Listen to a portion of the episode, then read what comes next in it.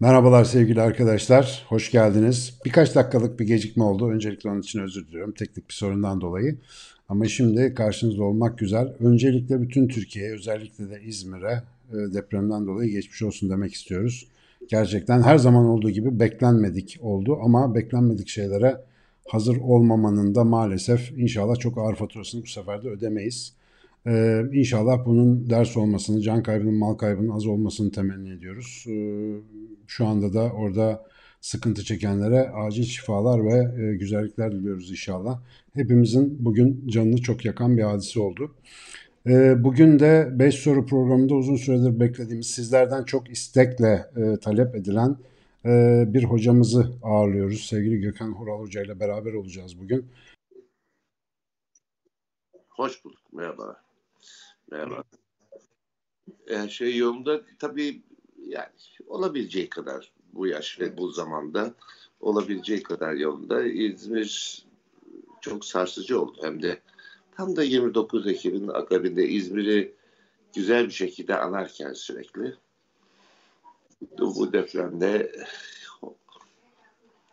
kötü. Tatsız. Üz, üzgünüz yani o konuda.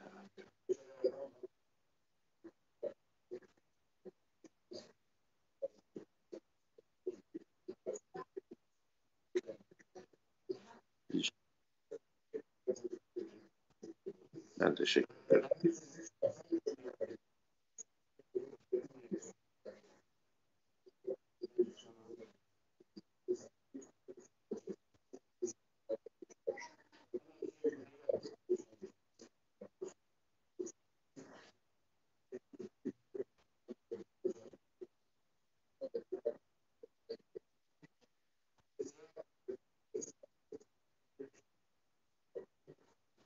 Kesik. Ha, arkadaşlar benim sesimi alamıyormuş pardon. O ilk kısmı du- duymadınız. O zaman tekrar söyleyeyim. Ee, Gökhan Hoca'nın adı bütün psikanaliz konularında hep geçtiği için diyorum ben psikoloji bölümüne geldiğimden beri. E, muhakkak onunla tanışman lazım, muhakkak görmen lazım diye hep ismi geçen bir hocamızdı. Ben de YouTube'u buna alet ettim efendim, bizim kanalımızı. Sevgili hocamızı davet ettim, o da kırmadı geldi sağ olsun. Bugün onunla hem benle ilk defa tanışıyorum, uzaktan zımnen tanışsak da ilk defa yarı yüz yüze, online yüz yüze bir muhabbet yapacağız. Ve kendisine 5 tane merak ettiğimiz konu başlığı altında biraz kendi hayatından biriktirdiklerini bizle paylaşmasını rica edeceğiz. Onun ee, özellikle derslerinizi hocam anlata anlata bitiremiyorlar. Ne yapıyorsunuz bilmiyorum ama biraz kıskandım. Ben de hani ders konusunda böyle şeyimdir, takıntılıyımdır. Çok güzel geçtiğini söylüyorlar. Tarihten, güncelden, efendim işte psikoloji tarihinden olsun, genel tarihten olsun. Çok böyle zevkli ve renkli bir ders içeriği olduğundan hep bahsederler. Ee, acaba bunun sırrı nedir diye önce beş soru dışı bir soru sorayım mı? Yani bu, bu derslerden çok stajda bahsediyorlar sizin. Nedir bunun sırrı? Yani tabii öğrencilerin bir miktar idealize ettiklerini düşünmek lazım burada. Yani onlara teşekkürler ama o kadar da hak etmiyor olabilir. Ya tevazudan söylemiyorum bunu. Çünkü hele hele şimdi yaş birazcık daha geçince arada takılıyor ve unutuyorum. Bir dakika şu neydi Çaykovski'nin eseri filan gibi işler oluyor. Ama bir kere buna benzer bir soruya şöyle bir cevap vermiştim herhalde benim büyük bir talihim oldu. O tarihte tam bu geçiş döneminde artık endüstriyel e, bilime geçmeden önceki dönemlerde yetişmiş ve hem hekim kimliği hem de bilim insanı kimliği fena halde ge- gelişmiş insanlar hocalarım oldu. Büyük bir tesadüftür. Yani doçent doktor işte Kriton Dinçmen, Profesör Doktor Hans Ongar, Adnan Ziyalar, Ertaç İlkay. Bunlar çok özel insanlar gerçekten. Hani ben onları idare ediyorum diye düşünmeyin sadece. Ee, yani güzel bir şeyler görüyorlarsa ders anlatırken falan. Ee, onların ürünüdür yani. Evet hocam, hocam bu gerçekten çok bizim de e, böyle içimizi hasretle yakan bir durum. Ben de hocalarımı hep böyle yaşayanları teşekkürlerle rahmetli olmuş olanları da rahmetli anıyorum. Hocam bizim 5 soru programının ilk sorusu hep şudur. E, ben özellikle kendi alanlarında böyle öne çıkmış insanları davet etmeyi sevdiğim için. Gökhan Oral olmak nasıl bir şey hocam? Siz hayatınızdan memnun musunuz? Mutlu bir insan mısınız? Bir daha gelseniz başka bir hayat alternatifini mi değerlendirirsiniz yoksa böyle bir hayatı tekrar yaşamaya gönüllü olur muydunuz? Ne dersiniz genel durumunuz hakkında? Yani tam galiba olabileceğim yerdeyim. Yani benden daha uzun ya da daha kısa, daha sağ, daha sol bir şey olmazdı. Böyle bir şey. E olabileceğim yerdeyim. O yüzden memnunum, hoşnutum bu manasında. Eyvah. İlla ki bir şeyler yanlış gitmiştir geçmişte. Çok, O- ama onların da galiba bugüne bir katkısı var değil mi? çok var. Yani e, plastik cerrahi, daha doğrusu rekonstrüktif cerrahi yapmak üzereyken kendimi böyle bir işte buldum yani. Şimdi ruh rekonstrüksiyonuyla uğraşıyoruz. Eskiden beden rekonstrüksiyonuydu. Şimdi ruhsal rekonstrüksiyon abartılı olur. Ruhsal rekonstrüksiyon hiçbirimizin harcı değil aslında. Evet. Ama e, sonuçta niyet odur yani bir çeşit.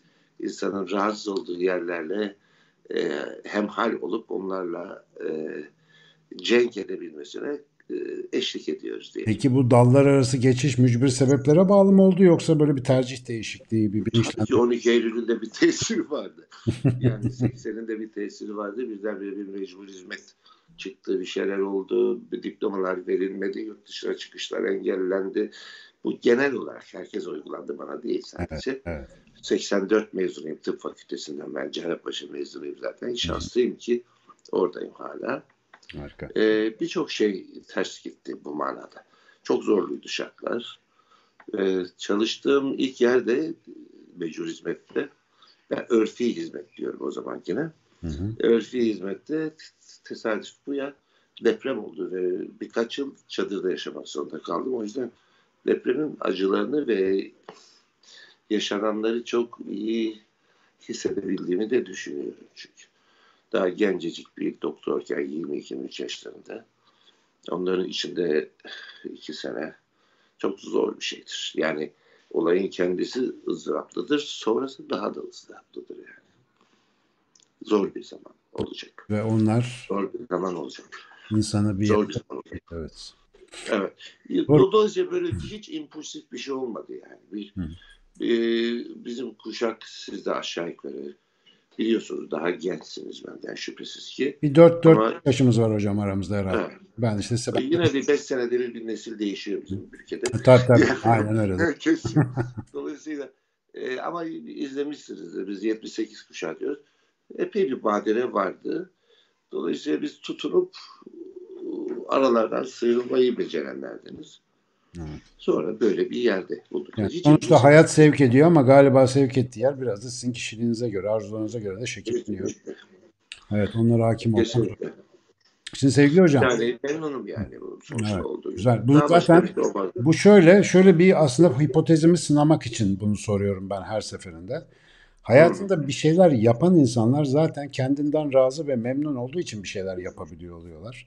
Bazı şeylerde böyle diklemesine derinleşme biraz galiba iç barışla ilgili bir şey. Yoksa sürekli böyle şartları martları suçlayanlardan bir şikayet dışında pek fazla bir şey duyamıyoruz.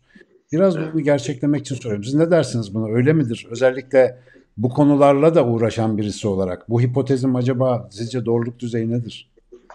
Yani sürekli şikayet eden mızmız kişiler için konuşuyorsak eğer. Evet, evet. E Yani burada bir üretkenlik söz konusu değildir. Geçen akşam anti bir şey olunarak bir şey olunmaz. içi dolmaz yani. Evet. Bunu bir şeyin içine doldurabilmek için tabii bir şeylerin karşıtı oluruz ister istemez ama hiçbir zaman kalkıp şey diyemeyiz. Eyvah eyvah eyvah. Durun şarjla ilgili bir sıkıntı yaşadık. Bir Öyle mi? Hı. Ta- Tamam. Şu vardı burada. Kusura bakmayınız. Bu Yo, estağfurullah, hiç- uğraşırken ara ara oluyor böyle şeyler. Evet, bunu bunu bunu beceremiyorum yani. Hani e, kablosuz kullanılan aletlerin şarj gerektirdiğini hala idrak edemiyorum. Benim de en çok bozulduğum şeylerden bir tane. Eyvah. Bir? Ters yönde oldu. bu. Aa işte diyoruz ya Tesla e? Tesla erken öldü. Biraz daha yaşasaymış kablosuz enerjiyi halledecektik ama işte. Ne çare ki? Şöyle yaptık. Şimdi oldu galiba. Evet, evet. Becerdik. Evet vallahi becerdim. Evet. Hastamın sayesinde becerdim demek ayıp oldu. Hastamın sayesinde oldu bu iş. Ha. Eyvallah. Kablo gözükmüyor değil mi? Yani, tamam. Evet, gel- Kablo ters tarafa denk geliyor da derdimiz o. Evet. Yok güzel şu. Tamam. gayet iyi. Ee, pardon nerede kaldı şimdi? Evet hocam ben Ee, şeye geçeceğim şimdi müsaadeniz olursa. Siz tabii bu. Bir dezavantajlı gruplarla çalışmak bir de travma konusunda çok isminiz geçiyor. O konularla hep çalışıyorsunuz. Önce bu travma konusunu sizin gözünüzden bir dinlemek istiyoruz. Yani nedir bu travma? Herkes bir travma, travma, travma diye bir de moda bir kavram da oldu ama galiba doğru kullanıyor muyuz onu bilmiyorum. Ne bu travma? Bir de yani kişisel hayatları hakikaten zannettiğimiz kadar etkiliyor mu? Ne kadar etkiliyor? Yani bunu kişisel fikrim olarak da beyan edebilirim ama yine psikanalizin penceresinden olacaktır. Hı hı. Ee, travma olmadı, olmayan bir hayat düşünülemez. Travma diye bugün tanımladığımız şey. Hı hı. Ama bir kişinin travmatize olması başka bir şeydir. Aslına bakarsanız travma psikanalizin temelindeki konudur. Yani Freud'un ilk ortaya attığı fikir zaten çocukluk çağında uygun olmayan cinsel baştan çıkarılmalara maruz kalmış çocukların yaşadığı travmadır. Hı hı. Ve bunun üzerine o zamanlar hisleri diye adlandırılan e, hastalıkların etiyopatogenezi yerleştirilir. Hı. Daha sonra bu takım gelişim ve değişimlere uğrar ama travma oradadır. Ondan önce de Şarko da oradadır zaten. Şarko da bunu iddia eder filan. Yani hep var olan bir kavramdı ama bu biraz suistimal oldu yani. Benim gözümde tabii ki. Belki de çok fazla şey yaşadığımız için mi öyle geliyor? Tam da bilmiyorum ama Bir bağlamında çıkarma var galiba. Mesela Bir- gözüküyor? Nasıl bir, bir abartıyorlar yani. Bir abartıyorlar. İşte işten çıkarttılar travma oldu. Çok travma, çok travma gibi. Böyle e, anlamı kaydı iyice. Yani insanı strese sokan, ünlü ettiren, ani beklenmedik her türlü olayı travma kelimesi içine koyuyoruz. Hı. Ee, bu insanlık değerlerinin gelişim açısından fayda doğurabilir böyle bak, bakması insanın ama e, psikolojik kuramlar açısından böyle bir şey değil tabii. Yaşamsal varlığı tehlikeye düşüren bir hadise olması lazım. Ya da ciddi bir cinsel şiddetle karşı karşıya kalması lazım.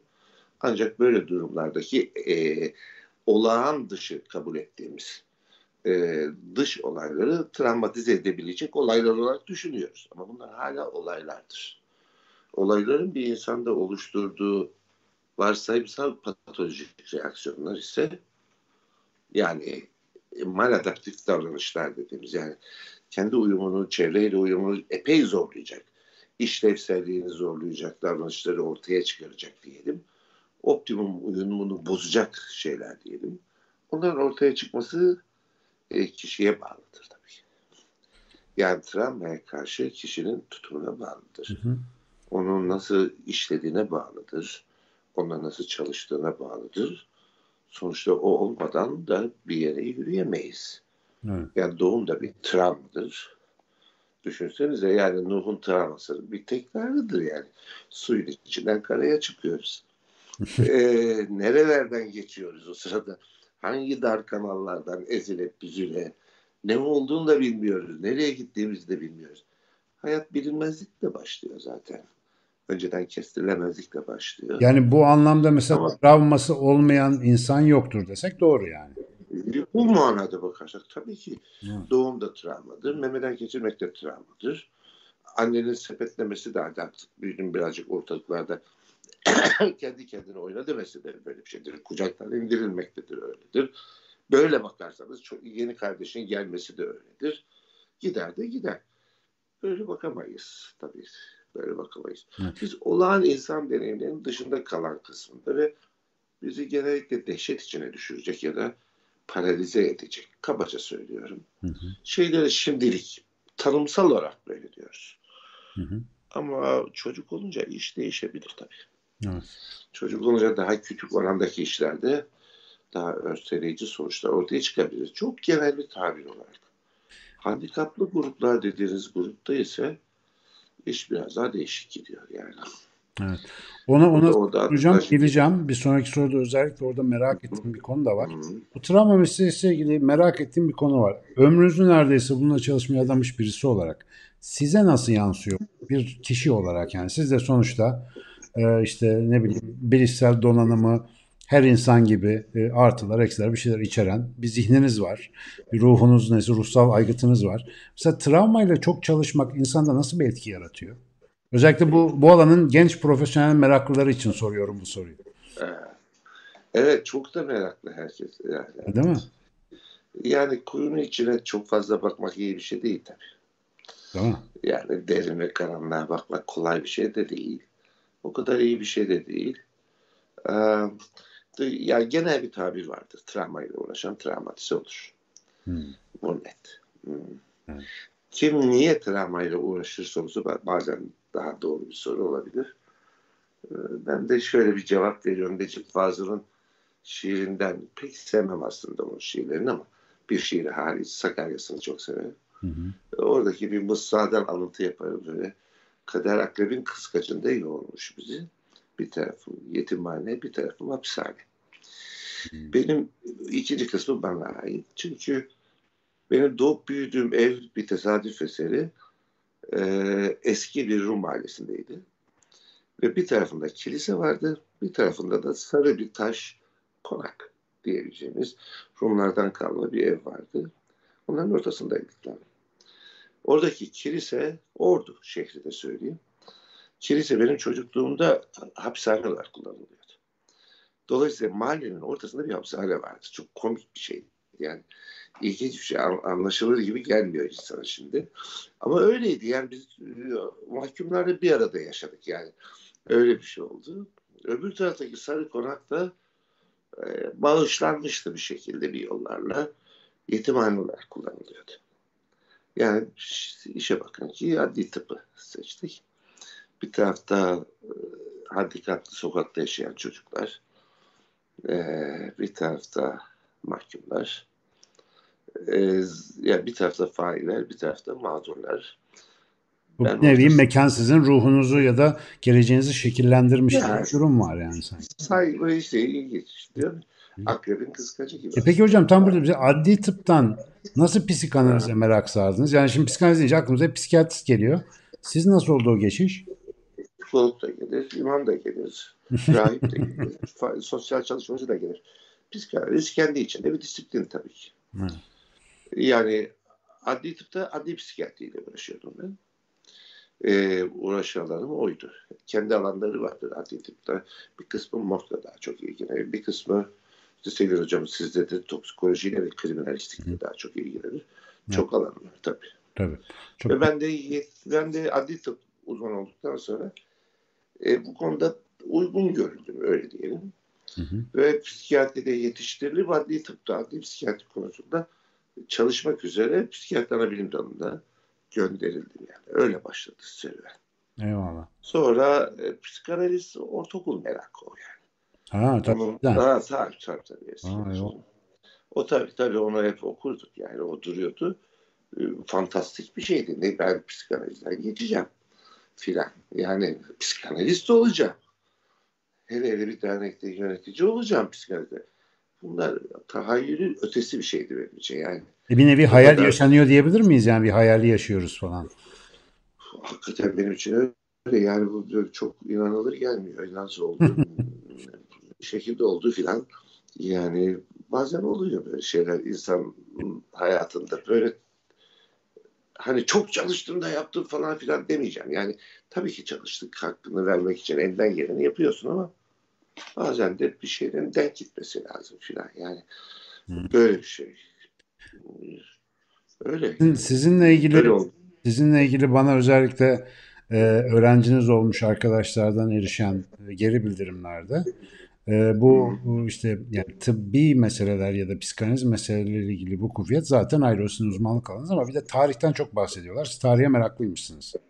Tabii, ben bu sebebini merak ettim. Neden acaba? Yani bir tarih böyle toplumsal anlatılarla e, psikiyatrinin ya da e, psikanalizin örtüşen bir yerlerim var. Nasıl bir ilişkisi var sizin içinizde bu konuların? Aslında entegrasyonu hiç de zor olmadı bunların benim kendi içimde yani. Çok rahat bir aradılar yani şimdi mesela psikanaliz kongresinde bizim kongrede Hı. online olacak. Bu Aralık'ta olacak kongrede açılış konuşması yani ilk panelde bir konuşma yapacağım. Konuşmanın adı şehir düşerken. Hı hı. Yani ta e, Fransız'dan alıntılarla yani Bizans tarihçisinden alıntılarla İstanbul'un o zamanki düşüşündeki tekinsizlik ve bugünün tekinsizliği arasındaki paralellikleri aramaya çalışacağım. Yani biraz fazla iddialı ama yani ama e, bunu bulacağım ve doğru şeyler söyleyeceğim değil amacım zaten. E, bu oraya sürüklüyor beni zaten. İster istemez oraya sürüklüyor. Yani Ayasofya'ya gidince sürükleniyor. Tarihin bir cazibesi var sizin için yani öyle bir... Çok çok çok. Arkeolojinin tarihin, antik tarihin. Birçok insan, Freud da çok meraklıydı. Zaten tıp ve mitoloji hep iç içedir. Heh, hocam Yani- biraz aslında ya soruyu Ha. biraz ha, bu, çok teşekkür ederim bunu söylediğiniz için. Benim şimdi psikolojik bölümde şöyle bir sıkıntım var. Genel olarak üniversite bölümlerinde bir sıkıntım var. Sadece kendi alanının bile kitaplarını zar zor okuyan arkadaşlar diploma aldıktan sonra bir yeterliğe sahip olduklarını düşünüyorlar. Özellikle bu hani psikolojinin kurucu babalarını örnek gösterip ya bu adamların hepsi düşünürdü arkadaşlar bak neler okurlardı falan diye gaz vermeye çalışıyoruz ama bir türlü olmuyor. Bari en azından hani böyle kerteriz aldıkları insanlardan birinin ağzından da bu çok disiplinli okuma ve merak alışkanlığını bir vurgulayasım geldi açıkçası. Yani boşuna okunmuyor galiba o tarihler falan değil mi? Sizin açınızdan. Hiçbir zaman, hiçbir zaman, hiçbir zaman böyle bir şey olamaz. Yani insanın içinde yer alır onlar ve birbirinden entegre olmak zorundadır. O orada, bu burada, bu burada parçacıklar şeklinde duramaz ki. Aynen. Ve yani üniversiteler mantığı da doğru anladığımızı düşünmüyorum. Yani e, yani lisansı şurada okursunuz sonra fikriniz değişir. Ya ben biraz üstüne şunu çalışayım dersiniz. Onu çalışırsınız. Orada sizi başka bir serüven bekler. Oradan başka bir mecraya gidersiniz. Altından kalkırsınız, kalkmazsınız. O başka bir şey ama e, böyle bir şeydir eğitim. Yani bu bizde meslek okulu gibi algılanıyor yani. Şimdi sen psikoloji okudun. Ha psikolog oldun mezun olunca ne yapacaksın? Hasta mı bakacaksın? Dur öyle bir şey değil bu yani.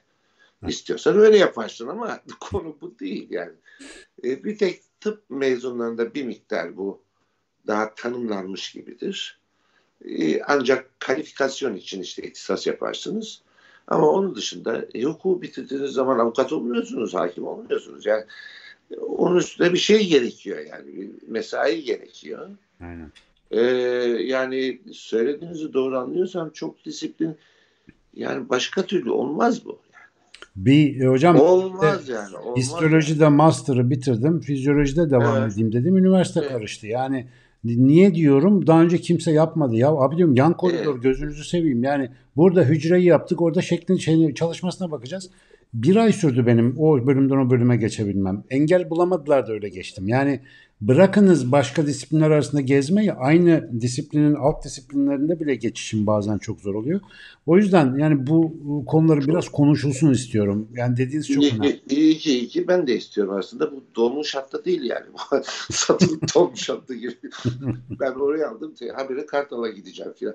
Yani böyle bir şey değil üniversite yapmayın. Yani hani ama uygun bulunursunuz bulunmazsınız yani ya da işin altından kalkabilirsiniz kalkamazsınız o başka bir şey. Aynen. O kalifikasyondur spesifikasyon değildir yani onu öyle algılamak aptal yani aptalca demeyelim ama biz öyle algılamışız zaten işimize böyle yani. Hoş bir inanca dayanıyor belki diyebiliriz. Yani gereksiz Belki. bölüm isimleri, gereksiz aidiyetler.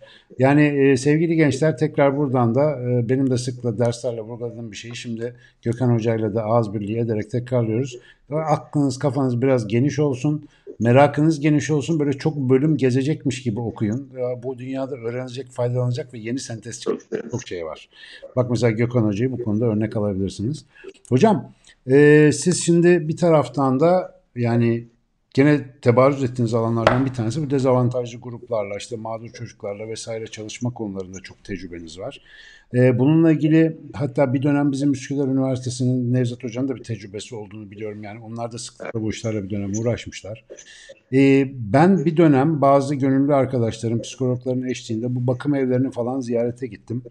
Yani zorluğu ilk defa bu kadar yakından gördüm. Yani o çocukların durumu, yaşadıkları e, sorunların ağırlığı ve iz bırakıcılığı. Yani hakikaten çok zor bir alan gibi gözüküyor ve uzmanların kolay kolay baş edebildiği, baş edemediklerini ifade ettikleri bir mevzu. Genel bir şemsiyede sorarsam bu konu ülkenin ciddi sorunlarından bir tanesi.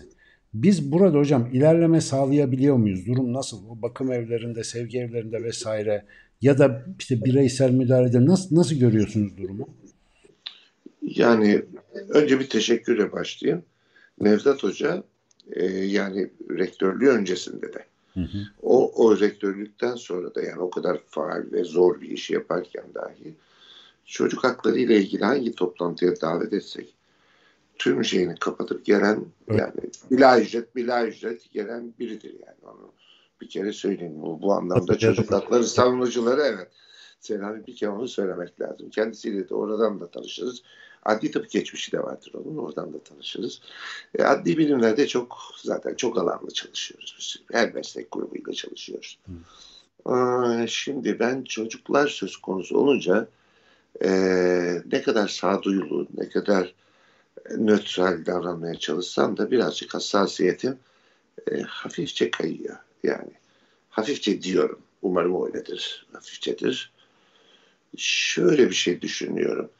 Bu ülkede bir çocuk politikası var mıdır? Ee, temel konu budur. Bu konuda yazılmış sayısız raporum var. Sayısız toplantıya katıldım. Bürokratlarla, bakanlarla vesaire. Her bir sorun çıkınca çağırırlar. Meclis Araştırma Komisyonu'na bir şeyler anlatırız. E, bunun komisyon raporlarında bir yeni raporum vardır. Bir çocuk politikamız yoktur. Bir uyuşturucu politikamız da yoktur. Mücadele politikamız da yoktur. Majör konularda bu tür bir politika tanımlayıp e, ülkenin her tarafında o politikayı uygulayacak bir sistemi geliştiremezsek hangi kurumu ne kadar geliştirirsek geliştirelim e, bacakları eğri kalacak masanın. Olmaz. Okulda başka şey, yetiştirme yurdunda başka şey, hastanede başka şeyle olmaz. Herkesin dili bir olmalı yani. Zihniyeti bir olmalı. Gibi genel bir şey söyleyebilirim. Ama yani iyi haber de şu, çok umutsuz gruplarla çalıştım gerçekten. E, biyolojik bir yetersizliği yoktu hiçbirinin ama e, ruhsal gelişim, sosyal gelişim açısından felce uğramış hayatlardı. Çocuk olarak. E, onların sonrasında söyleyebileceğim bir şey var. E,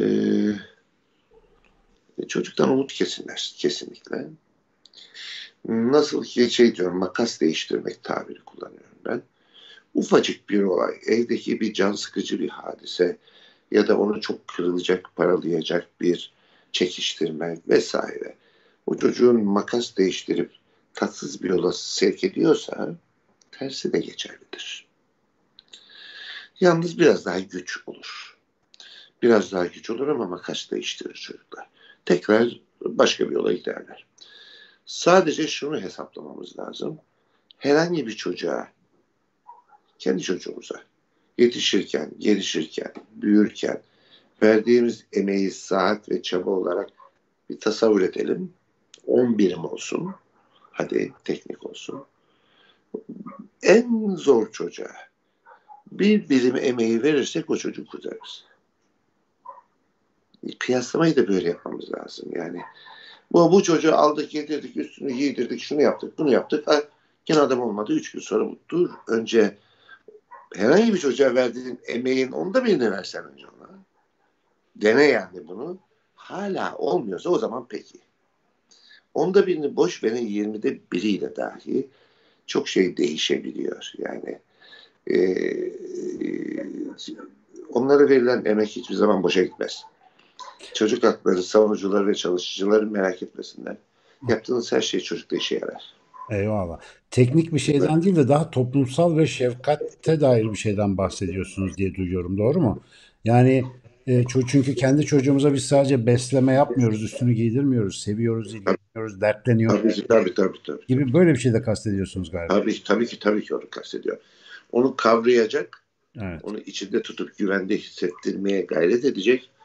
Belirli bir dil birliğine varmış, zihniyet birliğine varmış.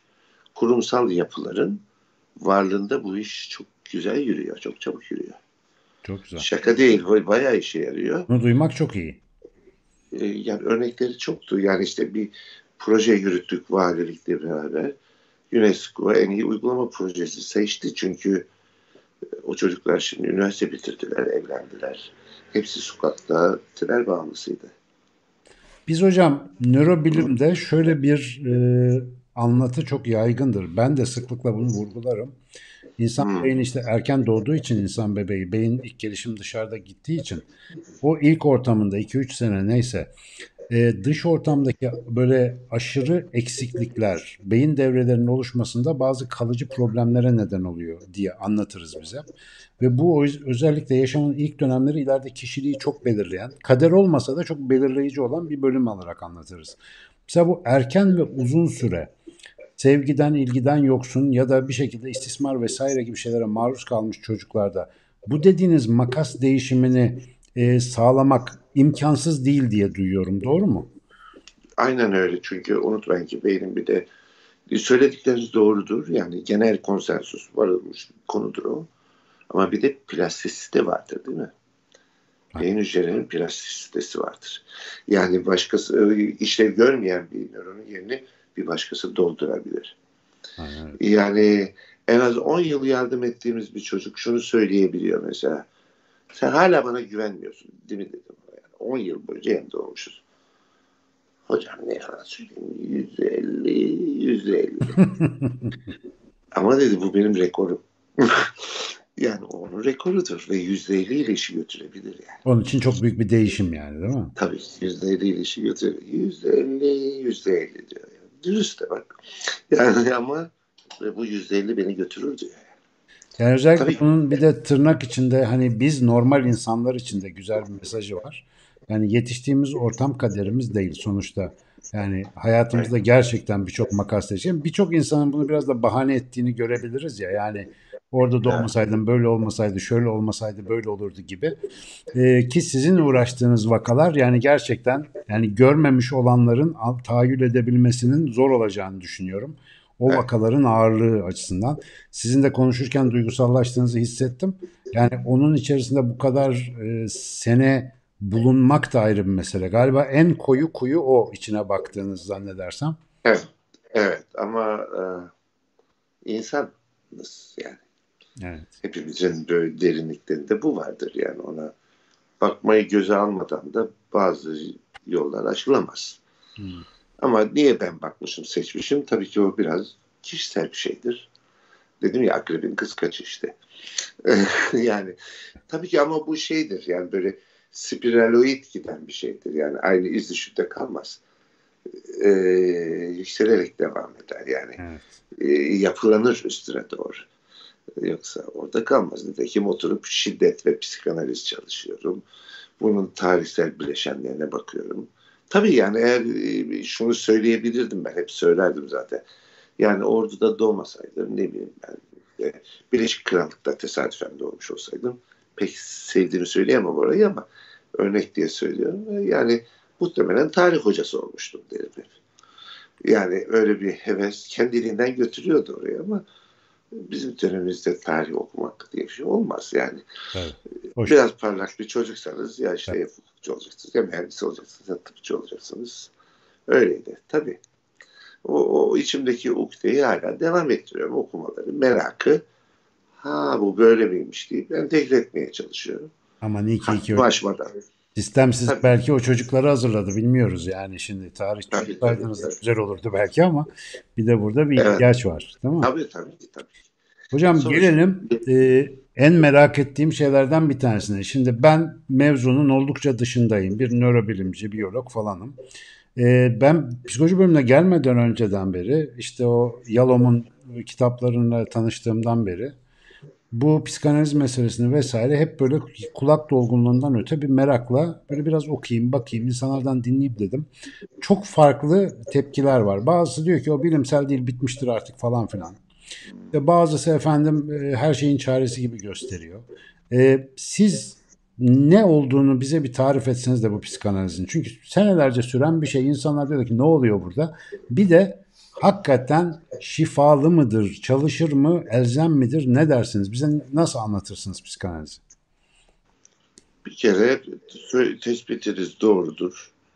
Kimi der ki şöyledir, kimi der ki böyledir, kimi der ki inanlıdır. Psikanaliz aslında herkesin hakkında bir şey söylediği bir şeydir. Güzel tanım oldu. yani şimdi söyledim. Hakkında bir şey söylemeyen kimse yoktur. Evet. Demek ki orada bir şey vardır. Evet. Bu, Orada bir şey vardır. Orada bir şey vardır. Değil mi? Herkes hakkında bir şey söylüyorsa nefret edeni, seveni, sempatik bulanı, uçuk bulanı vesairesi bir yerlerden çarpıyor bu insanoğluna, insan evladına bu psikanaliz diyebiliriz. Bana erkenden çarpmıştı. Ee, herkese çarpabilir bir yerlerden. Söylediğim bu. Peki bu işe yarar mı? öncelikle Analiz- nedir bir bize bize bir tanısını da nedir bu? Yani psikanaliz dedikleri şey Bir, metapsik, bir metapsikolojidir tabii ki. Hı hı. Bir metapsikolojidir ve kendine has bazı araçları vardır psikanalitik. Hı hı. Bu araçlarla insanda olup bitenin, ruhsal anlamda olup bitenin e, mümkün olduğunca anlamaya ve tarif etmeye gayret eder öncelikle. Ama bu anlama süreci yani arkeolojik kazıya benzetir hatta Freud. E, bu anlama süreci aynı zamanda e, bir bir çeşit ne demekse tırnak içinde iyileşmeye de tedaviye de yarar. Hı. Anlamak tedaviyi de kendiliğinden getirir. Bir kere dönüşümü getirir, değişimi getirir. Kendiliğinden getirir bu. yani hocam tıptaki ilaç verdik semptom gitti gibi bir şey değil bu. Hayır, hatta semptom, semptom tabii ki. Hatta semptomdan hiç korkmayız yani psikanaliz. Ve direkt semptomla savaşmaya da başlamayız yani. Çünkü semptom oradaysa ruhsal aygıt bir başka derdini bununla sıvamaya çalışıyor demektir. Hmm. Bir başka derdini. Ve o dert Bize bir işaret yani. Onu da tabii ki, tabii ki tam doğru yerdeyiz. Ha. Hı hı. Güzel yani semptom olsun da daha iyi. Yani bir derdi sıvıyor onda. E bir kere o derdi anlayacağız ki onunla mı sıvar? Başka bir şeyle mi sıvar? Çünkü her dert böyle pür pak temizlenecek diye bir kaydı yok bu insan hayatında böyle bir şey yok. Öyle bir şey olması da gerekmiyor zaten çünkü e, dürtüler ya da biyolojik hazların e, sonsuzluğu diye bir şey yok. İlla ki ketleyeceğiz onları kolektif yaşıyorsak dolayısıyla da bir takım meseleler çıkacaktır yani. Ama onları daha işlevsel, daha işe yarar, daha doyurucu, sevebilen, üretebilen insan daha e, yapma yolunda bir adım atmasına yarar. Kesinlikle yarar. Yani İPA'nın International Psikolojik Bil, Psikanaliz Birliği'nin ki üyesiyim ben de. Bir bağlı olduğum dernekle, yönetim kurulunda olduğum dernek de zaten oraya bağlıdır. Yani onun tanıdığı bir dernektir. Ee, onun sayfasında da yazar zaten. Aynı zamanda bir terapi yöntemidir. Ve fakat aynı zamanda siyaset, sosyal olaylar, tarih ve meselelerle ilgili yorumlamada kullanılabilecek bir alettir de. Yorumlamaya çalışır. Tümüyle açıklayamayız. Sosyal olaylar çok komplekstir. Karmaşıktır ama e, bazı ana hatları kestirebilmek mümkün olabilir yani. İşe de yarayabilir. Peki böyle objektif bir yöntem midir? Yani mesela diyelim Gökhan Diyelim. Oral'dan sonra bir de Sinan Canan yapsa böyle yüzde kaç bunların örtüşmesi gerekir yani? Yok öyle bir şey yok. Hiç objektif değildir. Galiba bilimsel kısmı orada sorunlu değil mi? Yani tekrarlanabilir. Ama bir, bir, iyi de bilimi tanımlayan şey ne? Çok doğru. Bilim tanım, tanımlayan şey ne yani? Evet. Yani yani bu tanımladığımızın dışındaki şey bilim değildir deme hakkına sahip değiliz. Yani tabii 19. yüzyıl mantığıyla şöyle demişiz ama güzel de demişiz ama. Evet bilimi tanımlayan Ben hocam şey. bir hissiyatım var. Mesela gerçek şifa e, bilimden çok sanata benziyor bana sorarsanız. Yani biraz böyle insana özel improvizasyon yapmayı gerektiriyor. Azıcık doğaçlama davranmanızı gerektiriyor. Bir birikimle e, ne bileyim yönlendirme, bir, biraz dans etmek gibi falan. Yani e, o, onun o zuhurata tabi olmak der ya eskiler. Katılır mısınız buna? Ben böyle tıbbın çok bilimsel olmasının da biraz bize sorun yarattığını ya da yaratabileceğini düşünenlerdenim. Bunu da acaba çok bilimin kalıbı içine sokmaya çalışınca bozar mıyız ya da ondan mı itirazlar geliyor? Ne dersiniz? Ee, şimdi epistemolojik açıdan da tartmak lazım. Haddimi aşabilirim. O yüzden biraz ihtiyatlı Estağfurullah. konuşayım ben. Evet, ihtiyatlı konuşuyorum yani. ama Rahat Ama söylediğiniz dans metaforu bana birini hatırlattı. Çok yıllar önce Engin Geçten Hoca rahmetli. Allah rahmet eylesin. Ya onun bir grup süpervizyonunda terapi ilişkisini psikoterapisti malumunuz analitik oryantasyonluydu ağırlıklı olarak varoluşçu bir analitik. E, terapi ilişkisini bir dansa benzetirdi. Ustaca yapılan bir dans gibidir, karşılıklıdır derdi. E, yaratıcılık çok özel bir şeydir. İnsanoğlu, insan evladı, insan kızı için e, becerdiğimiz hani biraz üstünsek eğer ona da pek itibar etmiyor bu düşünceyi ama biraz üstünsek eğer diğer canlılara kıyasla budur. Bu becerimizdir, bu süblimasyonumuzdur yani. Ee, bu çok önemli.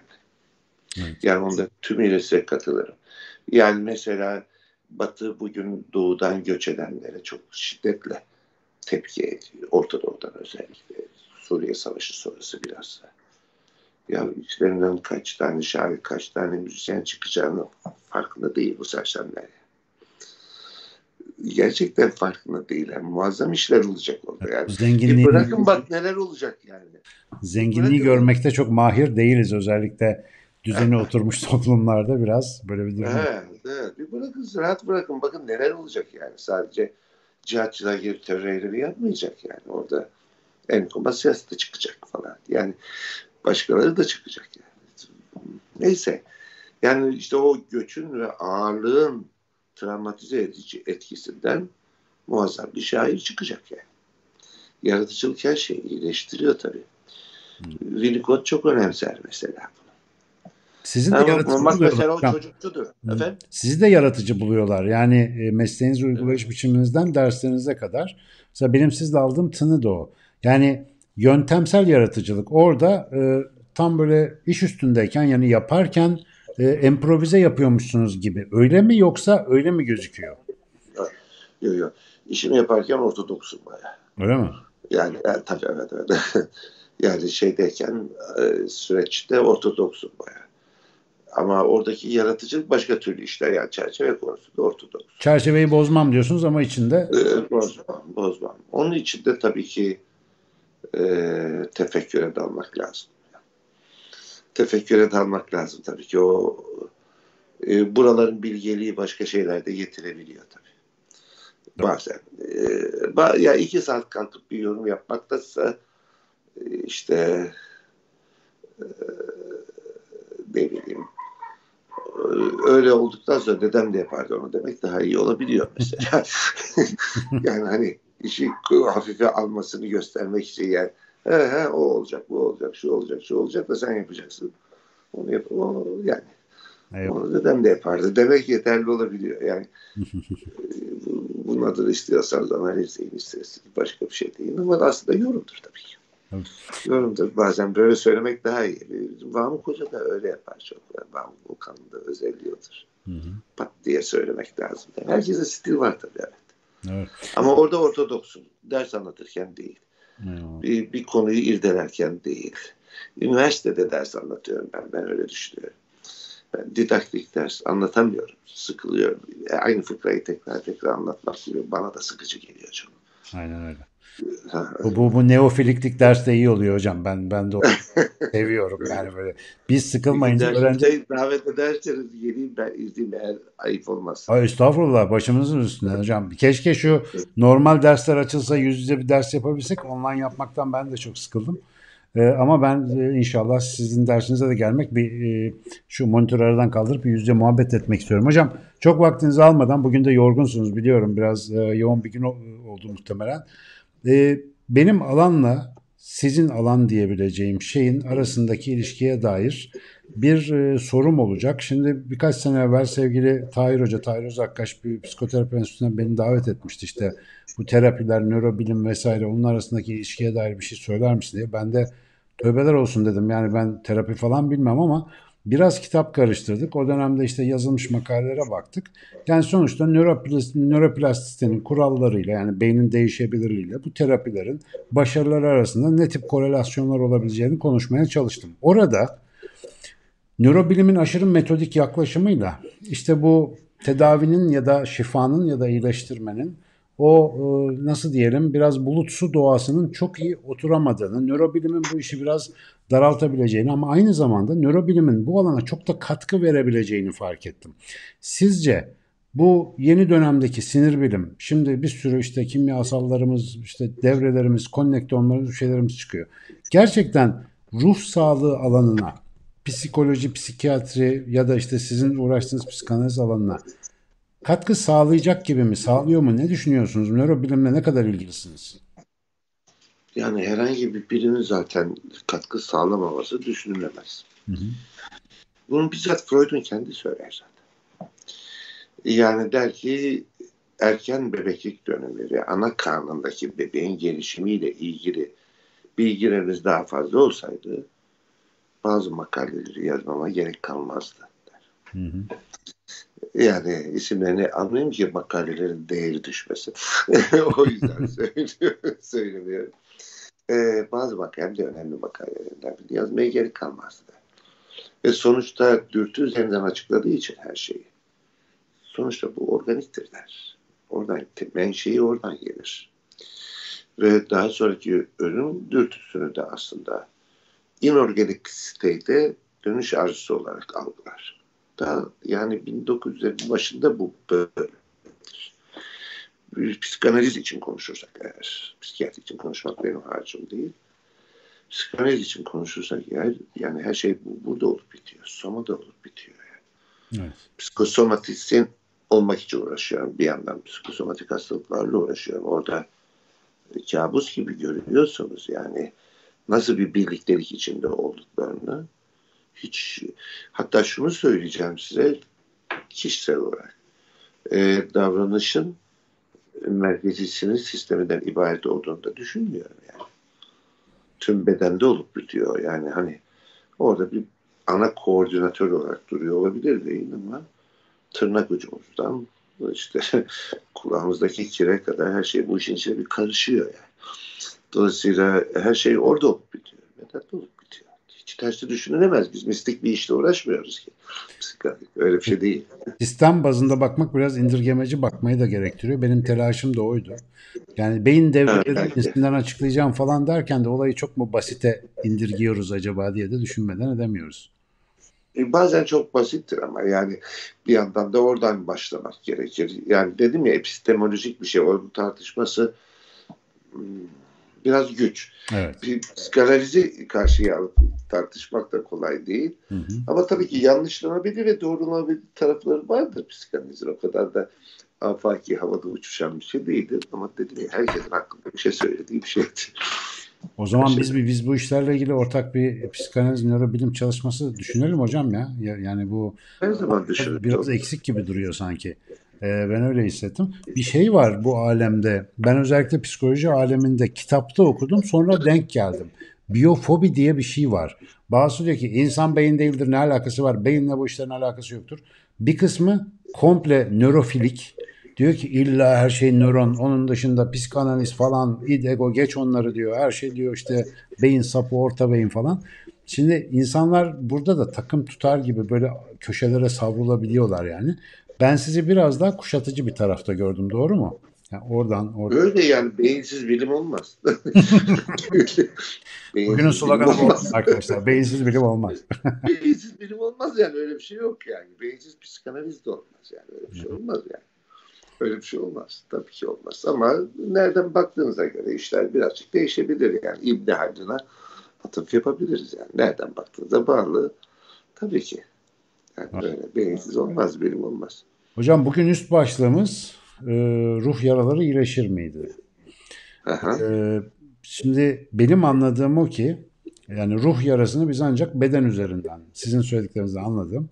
Beden üzerinden, söz üzerinden, davranış üzerinden e, tanışıyoruz ve öyle hemhal oluyoruz. Ve galiba ben anlattıklarınızın ötesinde tavrınız, tarzınız ve görebildiğim duygulanımınızla bunda umut gördüğünüzü görüyorum. Yani gerçekten insan şifalanabiliyor. Yani bizim adına ruh hastalığı dediğimiz şey niye onu da diyoruz onu da bilmiyorum ama ruh hastalığı dediğimiz ya da ruhsal problem dediğimiz şeylerin e, geneli açısından bir umut olduğunu söyleyebilir misiniz? Yani hakikaten biz bunu iyileştirebiliyor muyuz? Hmm, Buna birkaç türlü cevap vermek lazım. Aslında basit bir soru gibi duruyor. Burada iyileşme ne demek? Hı hı. Burada başlıyor iş tabii. Yani e, tıbbın mesela iyileştirdiği hastalıklar hangileri? Enfeksiyon hastalıkları dışında hangileri onlara iyileşme diyor muyuz? Tıpta kronik hastalıkların tedavisi olmadığını biliyorum genel olarak. Kompanse ediyoruz. Kompanse ediyoruz bunları. Tuttum. Antihipertansifte. Yani işte iyileşmeden anladığımız ne? Ee, ruh yaraları iyileşir mi? Ee, ruh, ruhundaki yarayı kişi kendine göre iyileştirmiştir bizim karşımıza geldiğinde. Psikanalizin bakışıyla. Kendine göre iyileştirmiştir yani. O o kadar acımıştır ki bir şekilde onu kendine göre bir şeyler yapıp iyileştirmiştir. Bizim psikanalizin bakışına göre diyor. Ama bu iyileşme zaman içinde kişinin işlevselliği değiştikçe, hayatının ondan beklentileri değiştikçe, yaşı büyüdükçe, ne bileyim evlenince, çoluk çocuğa karışınca yetmeyebilir artık. İş görmeyebilir artık. İş görmeyince bunu ne yapmak lazım sorusunu sormaya başlayabilir. Yani çocukken iş gören bir semptom e, kişi laboratuvarda çalışmaya başladığında ortalığı karıştırmaya başlar. İşlevselliği bozar. E, o yaranın tümüyle iyileşmesi, ölümün var olduğu bir dünyada hiçbir yara iyileşemez yani. Vardır. Güzel. Bunun idrakindesek en büyük yara odur zaten. Onun varlığında yani ne, neyi iyileştireceğiz yani? O vardır. Ee, o da en büyük yaradır. Yani varlığını bilmek daha yaradır. Yani e, Allah'ın emri ayrılık olmasaydı diyoruz. İyileşmiyor bazı ayrılıklar. Doğru. Sevgili hocam Ee, çok çok güzel. Yani ben bu muhabbeti normal bir e, yani arada online şeyler olmadan bir yapmak istiyorum inşallah. Hatta İnşallah. bir, fırsatımız olsa da kamerayı kapıp gelsem orada da böyle bir çekim yapsam ama bir off kamerada sizinle hep konuşmak istedim. Böyle bu tanışıklıklar kesmiyor. Monitör üzerinden tanışıklar ama ben çok memnun oldum tanıştığımıza. ben de öyle. Ben de karşılıklı. Ee, acaba söylemeyi unuttuğumuz sizin içinizde kalan bir konuda var mı ilave etmek istediğiniz? Ya bunları konuştuk konuştuk ama şunu da söyleyeyim dediğiniz bir konu var mı? çok yok ama şey konusu mesela hassas konudur benim de. Yani bu akademik disiplin konusunda son zamanlarda bir de PDR ile psikoloji birbirine girdi filan bir şeyler oldu. Ya bunlar e, tamam mesleki kimlik oluşturmak bakımından bir işlev görürler ama mesleki kimlik akademik açıdan hiçbir şeydir. Yani akademik açıdan hiçbir şeydirler. Gerçekten bilim yapıp uğraşacaksanız belli konulara eğilecekseniz ister psikoloji okuyun sonra istiyorsanız tarih okuyun. Sonra kesmediğiniz sosyolojiye geçin. Antropolojiye merak sarın. Ne istiyorsanız yapın. Yani oradaki kimlik o kadar da dert değildir. E, Freud herhalde psikolojinin kurucusu bazılarına göre. Yani. Kendi nöroanatomistti yani Psikolog bile değil bu arada. e, e, psikolog değildi psikolog yani hani düşündüğümüz zaman bu adam hekim midir psikolog mudur diye daha psikolog dersiniz yani illa da bir tanım koyacaksanız nöroanatomisti kimlik olarak yani okuduğu tahsili çalıştığı klinik itibarıyla ondan evvel de biyoloji okuyordu işte dediği gibi solucanlarla uğraşıyordu falan. Yani böyle düşünmeyiniz. Bu bir serüvendir benim yani bir yerden kafanızı sokarsınız sonra nereden çıkacağınızı siz de bazen bilemezsiniz. İşte dedim ya şey yanık rekonstrüksiyonuydu ya. Yani yara rekonstrüksiyonuydu ilgimi çeken. Özellikle büyük yanıklarda. Ee, oradan ruhsal yanıkların rekonstrüksiyonları. Burada Latince travma yara demekti değil mi hocam? Evet. Yani yaradan yaraya. Yaraya, yaradan yaraya. Ve zaten adli tıp sadece travmayla uğraşır. Travmanın fiziksel ve ruhsal sonuçlarını ölçer, biçer ve mahkemeye bildirir. İşi budur zaten. Filan. Böyle. Harika. Sevgili hocam çok teşekkür ediyorum katıldığınız için. şeref verdiniz. Biz bayıldık valla. Sanıyorum takipçilerimiz de çok hoşuna gitti. Ee, inşallah daha devamlı yayınlarda, projelerde buluşmak üzere. Sağlık, İnşallah. sağlık ve mesleğinizde başarılarınızın artarak devam ediyorum. Çünkü hepimizin faydasına işler yapıyorsunuz. Daha da inşallah eliniz ve gücünüz çok yere ulaşsın demek istiyorum. Ah, çok sağ olun. O kadar Ee, hak etmiyorum ama sağ olun. Yok Çok yok hocam hep beraber biz de elimizden ne geliyorsa e, hep beraber güzel şeyleri arttırmamız lazım. Sevgili arkadaşlar bizleri bu akşam takip ettiğiniz ömrünüzden bir saati bize ayırdığınız için çok teşekkür ediyoruz. Tekrar İzmir'deki kardeşlerimize büyük geçmiş olsun diyoruz. Şifalar diliyoruz. Sanıyorum 12 civarında vefat rapor edilmiş. Allah'tan rahmet diliyoruz. İnşallah bu sayıda e, artış görmeyiz. 12 de çok içimizi yakıyor ama e, inşallah daha fazla kaybımız olmaz. E, hepimize büyük geçmiş olsun inşallah. İnşallah. E, daha güzel günlerde, daha güzel haberlerle buluşmak üzere. Hepinize iyi İnşallah. akşamlar. Hoşça İyi akşamlar diliyorum. Görüşmek üzere.